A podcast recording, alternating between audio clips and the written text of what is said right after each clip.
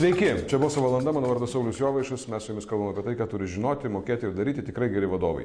Ir tikrai geri vadovai uh, žiūri iš tos laidos. Tie, kurie mano, kad jie yra žiauriai geri vadovai, tiksliai nežiūri iš tos laidos. Šitą laidą tikrai žiūri tie, kurie galbūt norėtų kada nors gyvenime būti gerais vadovais, o tie, kurie šiandien jau galvoja, kad jie yra žiauriai geri vadovai, tai aš garantuoju, kad jeigu konkurencija nesumažės Lietuvoje, tai jie tokiais bus neilgai. Va, kuklus prana, kukli pranašystė. O šiaip tai a, kviečiu visus į Facebook grupę Boso valanda, į LinkedIn grupę Boso valanda, mūsų ten daugėja stipriai. Komentuokite, rašykite, klauskite. A, topikas toks mūsų savotiškas, kadangi vadyba tai nebaisiai įdomu, bet man tai įdomu. O jums matyti irgi, jeigu vis tiek čia esate. Šiandien svečias yra toksai Andrius Baranauskas. Kas jis toksai pats, pats tai pasakys, bet uh, jis atstovauja tokia įmonė, su kuria man visą laiką labai kažkaip smagu, smagiai dirbasi. Čia aš šiaip draugiškai pasakiau, nes man teko su jais biški dirbti, tai kažkaip labai smagi kontora. Andriu, kas tu toksai? Kas aš esu? Aš esu Andrius, labas, aš esu Andrius, aš dirbu televizijose. Visiems rekomenduoju naudotis televizijų paslaugomis. Taip, aš visur tą darau, aš visur išu savo firmos reklamą. Tai mano darbas yra pasakoti apie Teledu. Ir tiek, aš tą, pas, aš tą ir darau. Mano darbas yra pasakoti istorijas apie Teledu. Ir padėti, kad, na... Klausyk, kokia tavo mėgstamiausia istorija apie Teledu? Žiūrėk, Čia beje nėra sponsoriuojamas, turinys nėra sponsoriuojamas Tele2. Mes susitarę draugiškai su Delfi, kad aš čia nestumiu jokios reklamos, dėl to ramę sąžinę reklamuoju visus, kurie pas mane ateina. Tai mėgstamiausia istorija. Gerai, mėgstamiausia istorija apie Teledu. Aš tą istoriją pasakoju per mokymus. Aš pasakoju, nes mes turim tokius mokymus darbuotojams. Na, Kiekvienas naujas darbuotojas, kuris ateina į kompaniją, jis praeina vadinamai Tele2. Tele2 tai yra, na, kas mes esame, kodėl mes tokie esame ir, ir, ir kaip šitą kompaniją pasidarė. Ir ta istorija yra iš a, 82 metų ar panašiai, ar panašių laikų, kai, mus, kai kompanija įkūrė, įkūrė toks švedas Janas, e, Jens Steinbeck.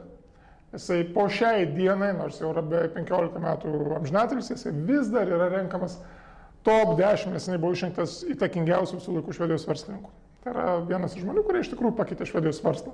Nes jeigu įsivaizduotumėm švedijos verslą 80 metais, 80 prieš gerus 30 metų, ar ne? Švedija atrodo taip, kad a, gatvės reklamų nebuvo, nes verslo neapsimokėjo daryti, mokesčiai buvo milžiniški. A, švedai sėkmingai pastatė socializmą ir sužinojo, kad, okei, okay, tai nėra taip gerai, kaip atrodė iš anksto. Infliacija vyko 10 procentų kasmet. Ir jeigu jums atrodo, kad viskas brangsta, tai Švedijoje viskas brango daug, daug, daug greičiau. Valstybė viską kontroliavo ir tada jisai žmogus atėjo iš Amerikos, atvažiavo, jisai į gimtąją Švediją, paveldėjo verslą ir verslas jo buvo, na, tradicinis švediškas verslas. Tai yra lentpjūvė, buvo šachtos, kuris kasė rūdą, buvo plotai, kuris skirto mišką ir buvo šiek tiek žemės ūkio. Ir jisai paliko savo verslą turėdamas Tele2, kuri buvo na, viena pirmųjų mobiliojo ryšio operatorių, iš viso nepriklausomų Švedijoje. Jisai paliko turėdamas uh, MTG. MTG, na, iki neseno laiko jam priklausė TV3 Lietuvoje ir vis dar tos visos televizijos. Jisai paliko Metro. Metro yra pirmas pasaulyje nemokamas laikraštis. 15 minučių mūsų žinomas, na, jeigu kas pamenat, kad kažkada mes, jie buvo dalinami troleibusuose, 15 minučių nukopijavo, tai verslo modelis buvo labai sėkmingas, bet anksčiau nebuvo nemokamų laikraščių. Ta žmogus padarė. Jis visiškai pakeitė tai, kaip daromas verslas, jis visiškai pakeitė verslo darimo na, filosofiją Švedijoje, už tai jį labai gerbė tenais. A, ir tos dalykus jis dar ganėtinai dramatiškai. Tai mano mėgstamiausia istorija apie Teledu yra tokia, kad gal kokiais 90 metais, na, tuo metu Teledu kovojo, tai dėl ko atsirado Teledu, kovojo prieš kompaniją Telija. Kompanija Telija tai yra buvęs valstybinis švedijos operatorius, o dar prieš tai tai buvo apskritai ministerijos švedijos dalis. Ir na, ta kompanija aišku, kad nebuvo stipri, neturėjo resursų, o Teledu resursų neturėjo. Ir Teledviem reikėjo viską daryti greitai, maksimaliai greitai ir jie turėjo, kokį jie turėjo pranašumą prieš savo tą pagrindinį konkurentą, darė viską daug greičiau. Ir sakė, buvo istorija tokia, reiškia, Telija vieną kartą ilgai dirbo, labai ilgai dirbo. Prasme, jie ilgai planavo, tvirtinosi savo pasiūlymus, sugebėjo pasitvirtinti į pačiais visais įmanomais aukščiausiais lygiais, kelis mėnesius dirbo ir išėjo su super geru pasiūlymu reklamoje. Sakė, kad ir, ir staiga tapo pigesni negu teledu. Mm. Mūsų gerbiamas įkūrėjas atsistojo, paėmė, na, jeigu jūs įsivaizduojate tokius na, popierius kabančius ant, ant nu, tas, tas didžiulius bloknotus, flipchartai, beras vadinasi, ne, tai jisai suprato, kad hebra, mes neturim laiko čia reklamoms ilgams, flomasterį, nupiešė kainą, perbraukė 50 procentų, parašė, sako, filmuojam ir už valandos ta reklama išėjo iš Švedijos televizijos. Kartais tu dari, turi daryti dalykus greitai ir negalvot, kaip tu juos, tu tiesiog juos turi daryti. Čia yra žiauria gera istorija. Čia yra istorija apie tai, kad nu, tu turi daryti. Okay. Bet tai žiūrėk, tai tokia istorija, šita istorija ir panašios istorijos, jos įtakoja tai, kokia šiandien yra kompanija Teledu. Be abejo. Kokiu būdu? Kas, kuo tai pasireiškia? Pasireiškia keliais dalykais. Na, mes atsimenam tas istorijas, mes jas pasakojam. Mes pasakojame vieni kitiems ir tai yra labai svarbu, jeigu tu esi verslininkas, jeigu tu turi istoriją, tu turi pasakoti. Jeigu istorijos nepasakoji, istorija yra pamirštama. Viskas. Yra begalė įvykių pasaulyje, kurių niekas neatsimena, nes niekas jų neužrašė, Niekas jau apie juos nepapasakoja, niekas nežino nei tų herojų, nei tų žygdarbių, nei tų nutikimų. O tie dalykai, kuriuos mes pasakom, jie tampa mūsų dalimi. Jie tampa to, kaip mes mastom, kaip mes elgiamės ir, ir, ir jie tampa mūsų dalimi. Ir štai aš prieš praėjusią savaitę irgi buvau mokymuose, kiekvienas mūsų darbuotojas, nesvarbu kas, nesvarbu į kokią poziciją ateina, kiekvienas naujas darbuotojas tos mokymus turi praeiti visoje, visose šalise, kur mes dirbam. Plus esami darbuotojai, pradedant nuo grupės prezidentės ir baigiant visais kitais, turi praeiti tos mokymus bent kartą per porą metų.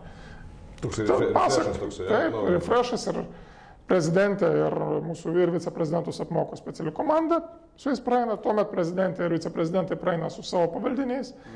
Tarkim, aš važiuoju pas juos į Švediją, mano kolegos važiuoja į Švediją, kiti vadovai. Tada mes pasakojam kitiems žmonėms čia Lietuvoje ir kitose šalyse. Okay. Ir taip tu pasakai, pasakai, tos istorijos yra gyvos ir tada tu jas papildai savo pavyzdžiais ir savo patirties. Pavyzdžiais iš to, ką mes kasdien darom. Ir tai padrasina, suprantate, pavyzdžiai, jie padrasina, jie paskatina irgi taip elgtis. Ir jeigu mes sakom, kad taip elgtis yra gerai, ir jie taip elgesi, tu gauni gerą rezultatą. Nice. Tai nereiškia, kad tu turi daryti tą patį, ką darė prieš 30 metų, pasaulis keičiasi. Bet mąstyti reikia panašiai. Mm, principas tas pats. Ok, žiūrėk, e, Tele2 eilinį kartą vis kiekvienais metais pastaruoju metu vis ten tampa geriausių darbdavių, skirtingai su tokiais mat matavimais ir taip toliau, taip toliau. E, mes tą visi žinom, suprantam, puikus darbdavys panašiai. Tu esi atsakingas už tos kompanijos komunikaciją, kaip suprantu, ne tik Lietuvoje, bet kodėl taip yra tavo kaip žmogaus, kuris yra, o pabandyk, pabandykim įsivaizduoti, kad tu nedirbi dabar Tele2, o tu esi komunikacijos ekspertas, kas tu esi iš tiesų. Uh, ir va tavo požiūriu, kodėl Tele2 e, nulatos būna geriausias darbdavys? Kas, kas lemia? Okay. Čia labai geras klausimas, bet čia yra kelios priežastys. Komunikacija nėra ta priežastis, pradėkime nuo to. Nėra. Mes vidaus komunikaciją apskritai daug metų neužsiminėjom ir pradėjome užsimti tik prieš porą metų, kai mes prijungėme savo, na tiesiog anksčiau mūsų salonai buvo atskiros įmonės, subrango, dabar jie prisijungia, yra 400 žmonių, juos vis tiek reikia, jais reikia rūpintis, jiems reikia tas pačias istorijas pasakoti, mes tą darom. Anksčiau mes to nedarėm. Mm. Anksčiau mes to nedarėm ir vis tiek žmonės jautėsi gerai ir buvo patenkinti. Mm. Vienas dalykas yra tos pačios istorijos, kompanijos kultūra, jinai yra stipri ir jeigu tu turi tą kultūrą, mm. nesvarbu kokios kompanijos, tai galbūt, nežinau, kokia kultūra yra Maxima, neįsivaizduoju. Nežinau, kokia kultūra yra, nežinau, Google arba, arba kitose kompanijose, aš ten nedirbau, bet jeigu jinai yra, vienokia ar kitokia, jeigu jinai yra stipri, tai jinai iš tikrųjų, na, žmonės asocijuoja save su ta kultūra ir jį padeda tam žmonėm. Antras dalykas, tai aišku, yra vadovas. Kažkada Petras pas jūs šiandien kalbėjo šitoje studijoje ir aš tikrai nuoširdžiai galiu paliūdyti tai, ką jis pats yra sakęs, kad jisai sako, jis daug kartų yra kartuojęs, kad aš noriu vadovauti taip, kaip vadovautų man. Aš noriu elgtis su kitu žmogumi taip, kaip norėčiau, kad elgtųsi su manimi. Ir kai žmogus šitaip elgesi, iš tikrųjų, na, darbuotojams tai yra didelė laimė, nes tau leidžia save realizuoti, tave gerbia. Žmonės visada atsako to pačiu. Jeigu tu žmonių nekenti, nu jie visada atsakys to pačiu. Jeigu tu žmogų mylis, irgi atsakys to pačiu. Bet ar yra toks kaskadavimo elementas iš tikrųjų, ta prasme, kad jeigu, tarkim, Petras sako, kad va, taip, aš noriu vadovauti, kaip man būtų vadovavimo, po jo yra grupelė vadovų, kurie turi po savim dar grupelę žmonių pačiai. Ar kaip tai kaskaduojasi? Tai lygiai taip ir kaskaduojasi, žinai, nu, mes esame Mes esame labai plokščia kompanija, mes esame vienam aukšte įsikūrusi kompanija, mes neturim kabinetų. Tai, žinai, yra labai sunku sukurti Hierarchinė sistema, hierarchinė sistema, kai, kai, kai jinai yra plokščia. Kaž, aišku, kad turi būti kažkokia hierarchija, nes kažkas turi turėti daugiau įgaliojimų priimti sprendimus, turi daugiau atsakomybės, bet, žinot, va čia kitas pavyzdys, kurį mes pasakom mokymuose, čia labai geras pavyzdys. Įsivaizduok cirką, ar ne? Ir cirke yra daugybė daugybė profesijų. Yra liūtų dresiruotojas, yra, nežinau, liūtų į, nas, į nasrus galvos kišėjas, yra būgnininkas, kuris ten trrr, daro kiekvieną kartą, yra klaunas, galbūt netgi du klaunai, yra, nežinau, akrobatai, kas tik nori yra. bilietų pirkėjas, yra buhalteris, kad, kad, kad mokesčių inspekcija vis tiek neuždarytų to cirko. Ko nėra? Ko nėra cirka, ar galiu pasakyti? Nežinau. Nežinau, bet yra viena labai, svarbi, labai svarbus dalykas. Na, ko nėra cirke, kas, kas yra akivaizdu, pažiūrėjus tik į cirko pastatą. Nėra pastato. Nėra palapinių statytojo. A... Nėra palapinių statytojo. Atvažiuoja cirkas kiekvieną kartą naują vietą. Kas stato palapinę? Ar stato palapinių statytojas, ar stato visą? Geras. Ir visi stato palapinę. Ir visi daro darbą. Geras. Ir tu visada turi tą prisiminti. Mes visi esame kolegos. Mes esame nesvarbu Petras ar ta, ta žmogus, kuris priima žmonės recepcijoje. Visi daro darbą ir jeigu jų nebūtų, šitoje firmoje darbas būtų daug blogesnis ir sutriktų. Puikus pavyzdys, klausyk. Žiauriai geras pavyzdys. Korporatyvinė prasme žiauriai geras pavyzdys to cirko. Labai ekscellent pavyzdys. Mm, nice. Bet žiūrėk, vis tiek, tas, nu, įsivaizduokim savo, kad yra daug kompanijų, kurios, nu, gerai, yra viena kita, o gal net ir daugiau, vis daugiau kompanijų, kuriuose kultūra vis labiau gerėja, vis labiau plokštėja, santykiai trelė, bet geriausio darbdavio titulą vis tiek laimi Tele2. Taip. Ir tu nori pasakyti, kad tai yra, aš žinau, kad tai tau labai gerai yra, bet nori pasakyti, kad tai niekiek nesusijęs su komunikacija. Aš manau, kad tai mažąją dalimi susijęs su komunikacija. Aš tikrai manau, kad svarbiausia dalykai yra ne tiek, ką tu kalbėjai, tai ką tu darai. Ta prasme, tu turi kalbėti tai, ką tu darai, o ne atvirkščiai. Jeigu tu, nes yra labai lengva pradėti kalbėti, žinai, pats lengviausias dalykas pasaulyje. Šneki ir šneki. Žodis nežvirblis. Na, nu, išlėkia ar nepagausi. Bet jeigu tu pradedi meluoti, jeigu tai netitinka realybės, tai tu gausi atvirkštinį efektą. Sunkioji dalis yra daryti ir tik tada kalbėti. Arba kalbėti ir iš karto padaryti, rodyti rezultatą. Tai aš manau, kad na, didžiąją dalimi šitoje kompanijoje tai vyksta. Aišku, kad mes visur, kur turim tobulėti ir visi turi kur tobulėti, bet aš manau, kad žmonės na, tą pastebi ir jie tą mato. Ir paskutinis tyrimas, tas pats AON West Employer, jeigu gerai pamenu, kaip jis buvo vadinamas, jis buvo atliekamas daugelį šalių. Čia OVC Consulting kompanija darė. Tai tame tyrimė buvo apklausimi darbuotojai. Tiesiog buvo einama pas darbuotojus, žinomuose anketos ir tie žmonės turėjo atsakyti anonimiškai tas anketas. Ir tada lygino šimtus kompanijų visoje Europoje ir, ir, ir žiūrėjo, koks yra rezultatas. Mm, mm. Žiūrėk, nu, palikim trumpam ramybėje tą Tele2, fantastiška kompanija. Žinau, kad tau sunku ją palikti ramybėje, bet vis dėlto trumpam, reiškia, tu matai verslą, matai, kas vyksta aplinkoje ir iš tos tavo turimos patirties, iš to, kaip, kaip tu dirbi, ką tu matai, duok draugiškų patarimų vieną kitą versle funkcionuojančiom įmonėm, o galbūt labiausiai jų vadovam, ką jie turėtų daryti kitaip, kad atrodytų žymiai geriau. Gal ne tik, kad atrodytų, gal kad būtų žymiai geresniais, okei, okay? tada ir atrodys žymiai geresniais, bet vat, kaip tu iš savo kampo, grinai subjektyviai, iš savo kampo, ne, ne, čia neieškant... absoliučiai subjektyviai. Jo, visiškai aš, subjektyviai. Aš kalbėsiu kaip, ne kaip ekspertas, o kaip klientas. Nes nesvarbu, kur tu ten kavinė ateini, ar tu ateini į, nežinau, į... Nors prisiminti, kad, nu, Hebra, jūs dirbate dėl klientų. Dirbate ne dėl savęs, ne dėl pinigų, ne dėl dar kažko, dėl klientų. Nebus klientų, nebus pinigų. Nebus klientų, nebus, nebus nieko, darbuotojų nebus. O tau pavyzdys šiandien. Aš šiandien atėjau į kavinę. Aš nesakysiu, kokią kavinę, bet įsivaizduok, aš atėjau į kavinę, aš sakau, žiūrėkit, man virš galvos yra pakabintas galingas kondicionierius ir jis į mane pučia, ar jūs galėtumėte jį išjungti. Ir man pardavėja, kuri ten toje kavinėje gamina kavą, barista, jinai man sugeneravo 3 ar 4 priežastis per 2 sekundės, kodėl negali to padaryti. Jis sakė, žinokit, aš šiandien dirbu visą dieną, man čia žiauri karšta, čia tikrai yra labai blogai, mes negalime išjungti, dėl to mes įlaikom. O jis mane pučia ir aš žinau, kad nu, aš greit peršalsiu. Nu, aš atsiprašau, bet man iš tikrųjų yra blogai. Tu pats kaltas, kad tau pučia. Pats kaltas, kad man pučia. Ir pats kaltas turbūt, kad niekada ten daugiau neįsiu. Labai sąžininkai pasakau, kad ten aš neįsiu. Yra pilna Vilnių vietų, kur aš galiu nueiti ir subalsuoti savo pinigais ir kurie mano pinigus paims. Nu, ir tai yra daugybė pavyzdžių. Žmonės nesugeba nusišypsoti, nesugeba prieiti ir aptarnauti taip, kad na, tu nesijaustum kaltas, kad tu pasi kažko prašai. Bet ar čia tik tai paveldimumas, čia tik tai, kad mes paveldėjom, ar kas čia yra, kodėl tas vis dar yra? Ta prasme, aš nežinau, kodėl taip, taip yra. Aš gerėja nežinau, kodėl situacija taip šiek yra. tiek. Bet... Aš nežinau, kodėl taip yra. Aš tik spėju, kad galbūt, žinai, na, tas žmogus sako, kad kaip tu man moki, taip aš tau dirbu. Tada jisai gauna turbūt labai mažą gal atlyginimą arba dirbo prastom sąlygom, gal jo paties kaip darbuotojo negerbė. Aišku, darbdavys turi milijoną priežasčių, kad ką aš su šitais durniais aiškintis, žinai, visada rasi tokių priežasčių ir visada rasi tokių argumentų, aš tau sukūriau darbo vietą, tu džiaugis ir būk laimingas. Ja, bet nu, rezultatas yra tas, kad tu nepasidarai savo verslo, tas žmogus yra nelaimingas, kuris dirba ir tavo klientas nelaimingas. Bet tai pirmo numerio šis tavo klientas, antro numerio šis tavo darbuotojas, visada geriausi darbuotojai išeina patys pirmi, nu ir trečių numerių tu išeisi daryti naują verslą. Jo, bet čia... Ir čia yra, manau, kad ta pati problema, jinai yra nu, visur, tiesą sakant, ir labai daug kur susidūriu, na, net ir labai stambiose organizacijose susidūrė su to kaip, kaip klientas. Mano nuomonė taip neturėtų būti. Ir aš manau, kad, na, kokie nors Amerikoje, kiek Arba šiaip vakarų šalyse mes matome, tikrai žmonės daug labiau stengiasi. Ir kai tu stengiasi dėl klientų, nu, nori, nenori, tu turi sustatyti procesus taip, kad tas klientas būtų patenkintas. Ir kai tu sustatai tos procesus, nu, tu negali žmogaus su lasda priversti šipsotis. Tu negali žmogaus per prievartą padaryti, kad jisai entuziastingai klientą aptarnautų. Žmogus, tu turi rasti būdą kažkokį tai, nu, padėti tam žmogui, kad jis pats norėtų klientą aptarnauti. Jeigu jis nenori, tai jis niekada neaptarnaus.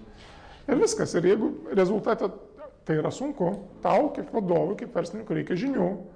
Taip, tu nebaigiai, nu, pavyzdžiui, ten MBA arba sudėtingų, sudėtingų ten, psichologinių mokyklų ar dar kažką. Taip, tu turi kažką tai samdyti, taip, tai išlaidos, taip, galbūt tu neturi pinigų, bet sorry. Tu, tada, tarsi, aš taip matau tą problemą. Jo, jo, nu čia žinai, aš klystu, jo, aš taip jo, aš, aš labai labai sutinku. Žinai, ko gero, kad vaistas nuo viso to reikalo yra konkurencija tam tikra prasme. Vaistas yra konkurencija, vaistas, aš manau, yra savišvieta. Aš manau, kad yra pačių vadovų savišvieta, pačių vadovų mokymasis, nes tu negali išmokyti savo darbuotojo, negali sustatyti procesą, jeigu tu nežinai, kaip jį sustatyti. Yra sunku mokytis, tam reikia laiko, tam reikia pinigų, nu aišku, gal norisi jau turėti verslą jau pailsėti kažkiek. Ne, nu, yra žmonių, kurie nori. Žiūrėk, vėlgi aš grįžtu prie savo, kadangi mes vis tiek kalbame apie teledų, grįžtu prie savo vadovo, pavyzdžiui, kurį čia jau minėjau. Šiuo metu žmogus mokosi, jam yra beveik 50 metų, jis siekia magistro ekonomiją ir tai bus ketvirtas jo magistras. Prasme, nu, Kam jam to reikia? nu, vat, kiti klausia, kam jam to reikia. Na, o tam ir reikia, kad jisai nori būti lyderis ir ateinančius dešimt metų. Nu jo, čia kitaip, čia vadovo visiškai yra kryžius, yra lifetime learning, lifetime learning, tai prasme, mokymas visą gyvenimą. Bet, bet čia, manau, tas galioja visiems, ne tik vadom, visiems galioja, nes jeigu tu pažiūrėsi, mes esame Delfi redakcija, ar ne? Tai sorry, Hebra, Delfi nebuvo prieš 15 metų, prieš 15 metų iš vis portalų interneto nebuvo. Buvo, dominavo laikraščiai. O laikraščius yra visiškai kita žurnalistinio darbo specifika, visiškai kita ir buvo ir yra žmonių, kurie taip ir neišmoko dirbti online, kurie neišmoko dirbti a, portaluose, Bet dabar paimkim tą patį pavyzdį per kitas, bet kokias sritis, nežinau, retailą, tą pačią mažmeninę prekybą. Jeigu žmonės neišmoks dirbti internete, jeigu žmonės neišmoks dirbti dar kažkaip kitaip, na, galbūt mes neturėsim tų mažmeninės prekybos organizacijų po, kaip, nežinau, 15 metų. Viską gali būti. Tu galbūt, galbūt tu kaip sandėlininkas turi savo kvalifikaciją kelti, nes tave tiesiog robotizuos tą tavo darbo vietą. Ką tu veiksi? Tau juokinga, bet jeigu tu esi sandėlininkas, okei, okay, ką tu veiksi, ką tu darysi? Rašysi knygas, slidinėsi kalnuose, tik tam reikės pinigų, čia kita problema. Žiūrėk, tu esi pakankamai nu, garsiai, garsiai reiškėsi socialiniuose tinkluose ir ga- garsiai kalbė apie daug skirtingų reiškinių, bet aišku, tu laikaisi tokio labai profesinės etikos, tu kalbi ne tiek apie pačius reiškinius, kai kalbė apie komunikaciją, kuri vyksta tų reiškinių e, klausimais. Mano toks klausimas tau yra šiek tiek iš kito kampo. E, tau padeda daryti verslą tai, kad tu kalbėjai apie kitus verslus, arba tau padeda atlikti tavo funkciją, tai, kad tu reiškiesi apie dalykus, kurie nėra tiesiogiai susiję su tuo tavo nu, motina maitintoja, kuri tave maitina. Nežinau, tai ką aš Žinai, aš darau? manau, kad padeda, aišku. Aš nežinau, ar tai yra, kiek tai yra pasiteisinimas to, ką aš darau, nežinai, nes aš turiu tos pasiteisinimus, pavyzdžiui, aš turiu tą pasiteisinimą, kad kodėl aš rašau, kad nu, vis tiek grafomanija yra ta baisi lyga ir kentėkim kartu su visi. Kentėkite, jūs mano lyga. Jūs, žmonės kenčia, laikina, tai ačiū bent tiek. Žiūrėk, bet a, aš manau, kad na, aš šitai žiūriu iš dalies kaip į savirišką, nes man yra įdomu. Iš dalies kaip į mokymasi, nes, na, aš atsimenu, aš labai ne, kažkaip, kai atsirado Facebookas, aš labai nenorėjau ten rašyti kažką iš viso, ten net ir registruoti, man, ką aš ten veiksiu.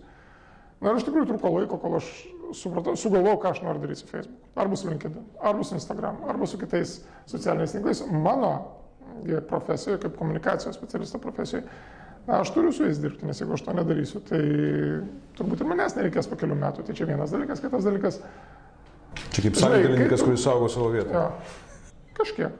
Bet žinok, yra kitas dalykas, kai aš rašau, ar ne, bet ir, ir ką aš manau, kartais žmonėms irgi pasakyti, internetas yra nuostabus tuo, kad jis tau duoda iš karto atgalinį ryšį, instant feedback, tu gauni arba like, arba tavo komentaras, kad čia nesąmonė parašy. Ir tu galvoji, ką tu rašai. Ir tu dėlioji argumentus, ir tu apmastai, ką tu rašai. Žinai, šiaip mąstyti yra geras dalykas. Tai yra, nu, toks autotreningas padeda tau galvoti. Ir tu tada turi tokį minties pratimą, okei, okay, o ką aš daryčiau, o kaip, kaip kitaip būtų. Ir po eilės tokių pratimų, galų galia rašymas yra tam tikras pratimas, tam tikra, na, ne, ne meditacija, bet galbūt treniruotė rašyti. Mano darbė irgi reikia rašyti. Minčių sudėliojimą sudės, sudėk logiškai mintis į trumpą rašinį. Daugybė žmonių to nesugeba. Bet jeigu tu negali sudėti ant popieriaus, tai žinai, jeigu sudėti ant popieriaus, daug lengviau sudėtis ir galvoje. Todėl man tai padeda būtent iš tos pusės. Teledviem tai padeda?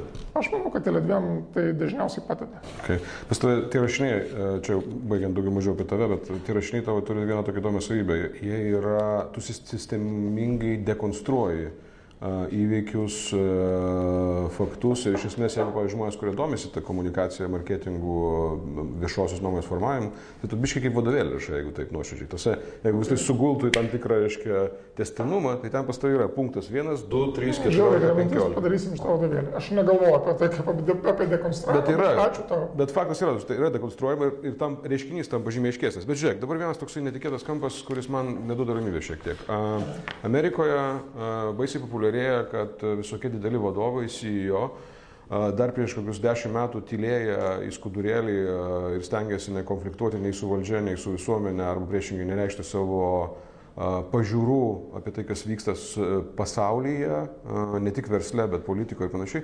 Pastaruoju metu pradėjo reikštis pakankamai garsiai, ar tai yra su Obama, paskui su Trumpo atėjimu.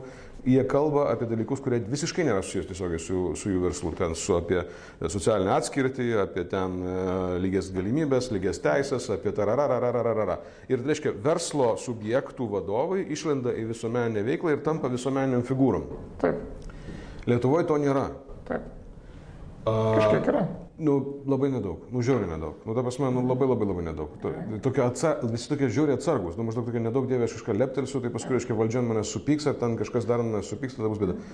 Ar, ar tu nemanai, kad tai yra resursas? Kad tai yra papildomas resursas tam pačiam verslui, jeigu verslo savininkas, e, akcininkas, generalinis iš to ir kalba apie svarbius dalykus.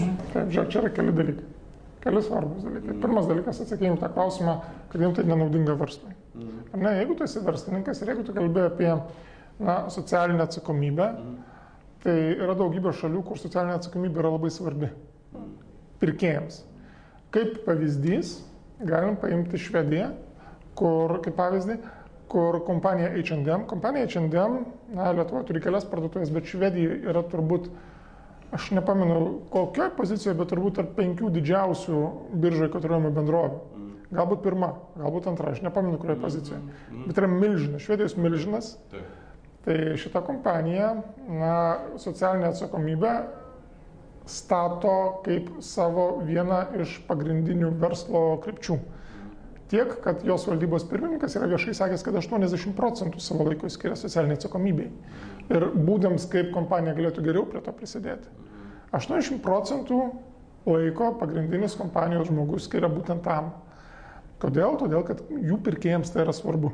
Ką aš ir bandau pasakyti apie klientus. Jeigu tu kalbi apie klientus ir jeigu klientų tai yra svarbu, tai tu ir turi kalbėti apie tai. Jeigu Amerikoje klientams yra svarbu moterų teisės, tai tu kalbėk apie moterų teisės. Tai klausimas, kaip tu moterų teisės realizuoji savo kompanijoje. Klausimas, kaip tu moterų teisės realizuoji savo kompanijos vadovybėje. Vėlgi, ar tai yra nenaudinga? Na, šiaip jau yra tyrimai, kurie sako, kad jeigu aukščiausių vadovų tarpe nėra moterų, tai ta komanda ilgalaikę prasme statistiškai rodo prastesnį rezultatą negu ta, kurioje yra moterų.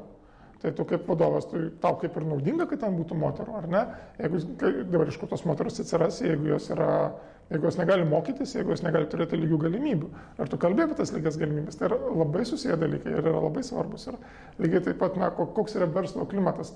Kai aš kalbu apie tai, kad darbuotojai, na, turi, tavars, kad klientas būtų laimingas, tavo darbuotojai turi būti laimingi. Tai tavo darbuotojai, ar jie bus laimingi, jeigu tavo kompanijoje nėra lygių galimybių vyram ir moteriam? Ar ne? Ar jie bus laimingi? Ar jie bus laimingi, ar, ar gali padaryti lygias galimybės vyram ir moteriam savo kompanijoje, jeigu jūs visuomenėje nėra lygios? Ir tada tu grįžti prie, na, back to roots, kaip tai patys amerikonai sako, ir tada tai yra svarbu. Tai yra svarbu verslui. Ilgalaikė prasme tai yra labai svarbu verslui. Okay. Tai yra žiauriai svarbu verslui. Nes nu, tai duoda rezultatą. Kai mes kalbam, ir dažnai mes susidurėm su tokia požiūrė, kad, na, žinot, ai, nemoka ten biznio daryti, užsieima pasakojimas apie atsakomybę. Jie labai gerai moka biznį daryti. Tu manai, kad tai tik dėl to tą ir daro, jo? Socialinė atsakomybė, kad tai neša milžiniškus pinigus ilgalaikę prasme. Milžiniškus. Ir žiūrėjau, tau pavyzdys, na paimkim, kad ir a, na, tą pačią Ameriką. Mes kalbam tą patį Ameriką, kai sako, kad na, laisvė yra svarbi ir kokia nors Kalifornija, kalbant, deklaruoja laisvę. Na, iš tikrųjų labai laisva valstija. Prasme, tenais ir, ir, ir gėjų santokas legalizuoja ir ką tik nori. Bet šalia to jie gauna labai aišku rezultatą. Visi žmonės, talentingi žmonės nori važiuoti Kaliforniją, dirbti Google, dirbti kitose kompanijose, Silicijos lėnyje. Ir jie gauna rezultatą kokį. Na, paimk tą pačią Ameriką, kažkuomet prieš metus teko skaityti Beros Foreign Affairs buvo straipsnis. Amerika per metus iš patentų gauna 50 milijardų. Amerikos kompanijos. Kinija gauna milijardą. Ekonomikos yra šalia viena kitos pagal dydį sulyginimas. Skirtumas yra ne 50 kartų tarp jų, o gal pusantro karto. Bet iš inovacijų Amerika gauna 50 milijardų. Kodėl? Vat, nes dienos gale žmonės daro verslą, žmonių smegenys galvoja ir jeigu žmonės nu, negali jie galvoti laisvai, jeigu yra nelaisvi. Ir viskas. Ir čia mes grįžtam prie visų tų dalykų, ką kalbėjome su socialinė okay. atsakomybė. Dabar grįžtam prie to, ką tu sakė apie Lietuvos verslą. Vėlgi, aš manau, kad lygiai taip tais pačiais argumentais mes pradėsime irgi vadovautis ilgainiui, nes pamatysime tą vertę. A, dalis jau dabar mato, dalis pamatys vėliau. A, ir tiek, ir šalia to mes, žinai, kai visuomenės spaudimas auks, visuomenės spaudimas auga, tai visada klientas yra karalius. Jeigu klientas savo, kad man reikia socialinės atsakomybės, tu eini ir darai socialinę atsakomybę. Viskas. Ja, Vienareikšmiai. Aš, žinai, aš tarsi man ir norėjau iš tavęs ištraukti, arba tiksliau, tu pats taip nu, be mano prievartos pasakytum, tokius tos du dalykus. Tai yra vienas dalykas, tai yra būtent jeigu kompanija yra orientuota į klientą, jinai turi komunikuoti tam tikras vertybės, kurios yra svarbios tam klientui, kurį nori patenkinti. Tai vienas dalykas. Antras dalykas, kadangi Lietuvoje darosi krizinė situacija su darbuotojais, tai yra pritraukimų darbuotojų į verslus ir šiuo atveju panašu, kad yra resursas, jeigu įmonės vadovas deklaruoja tam tikras kultūrų, reiškia vidinės kultūros elementus, kurie pritraukia darbuotojus. Bet jeigu jis tyli eilinį kartą, jeigu jis galvoja, kad tai yra darbuotojai patys turi norėti, tai nieko iš to nebus. Aš to manau, kad žinai, visada verslą daro žmonės. Žmonės sugalvoja tam naujus išradimus, žmonės sugalvoja naujus sprendimus, žmonės Arba jisai eina ir nori parduoti, arba jisai nu, eina dėl to, kad reikia. Žinai, nu, va, tai yra du skirtingi dalykai, kai tu nori ir kai tau reikia. Tiesiog, kai tave priverčia. Nu, va, labai, labai didelis skirtumai. Tai klausimas. Ir lygiai tas pačias problemas turi visam pasauliu žmonės. Tavasme, jeigu tu nori turėti geriausius rezultatus, tu niekada neturėsi geriausių rezultatų be geriausių žmonių. Ar Amerikoje geriausius žmonės tu turi turėti, ar Lietuvoje, ar nežinau, ar Indijoje, ar Kinijoje, bet tu visada stengiasi turėti geriausius žmonės ir Na, jeigu tai yra, žinai, na, aš sunkiai įsivaizduoju tikrai geriausią restoraną Lietuvoje be geriausių padavėjų. Aš tikrai labai sunkiai įsivaizduoju, kad žmogus ateina, numeta ant stalo ir nueina. Nu, sorry, tai tikrai neįvyks. Taip, tikrai neįvyks. Ačiū tau labai, Andriu. Ačiū, Ačiū už tavo iškalbą ir tavo istorijas ir už cirką, kurį aš išsinešu. Aš tikiuosi, kad kiti dar pasiims ir tą uh, meilės klientų arba norėjimą, norėjimą klientui padaryti, kad būtų gerai. Nereikėjimą, o norėjimą, kad būtų gerai. Tai ačiū Jūsų uždėmesi, čia buvo Andrius Baranauskas, jisai vadinasi Tele2 korporatyvinės komunikacijos direktorius Baltijos šalims. Aktualu tai yra, taip vadinasi, viskas, žinai. Taip, supratau, ten parašyta buvo internete, tiesiog, žinai, tai aš taip. Taip, tai jeigu parašyta, tai tiesa, faktiškai. Ne? Ačiū labai Jums uždėmesi, čia buvo Boso valanda, mano vardas Saulis Jovaišas, pasimatysim kitą kartą. Okay, Good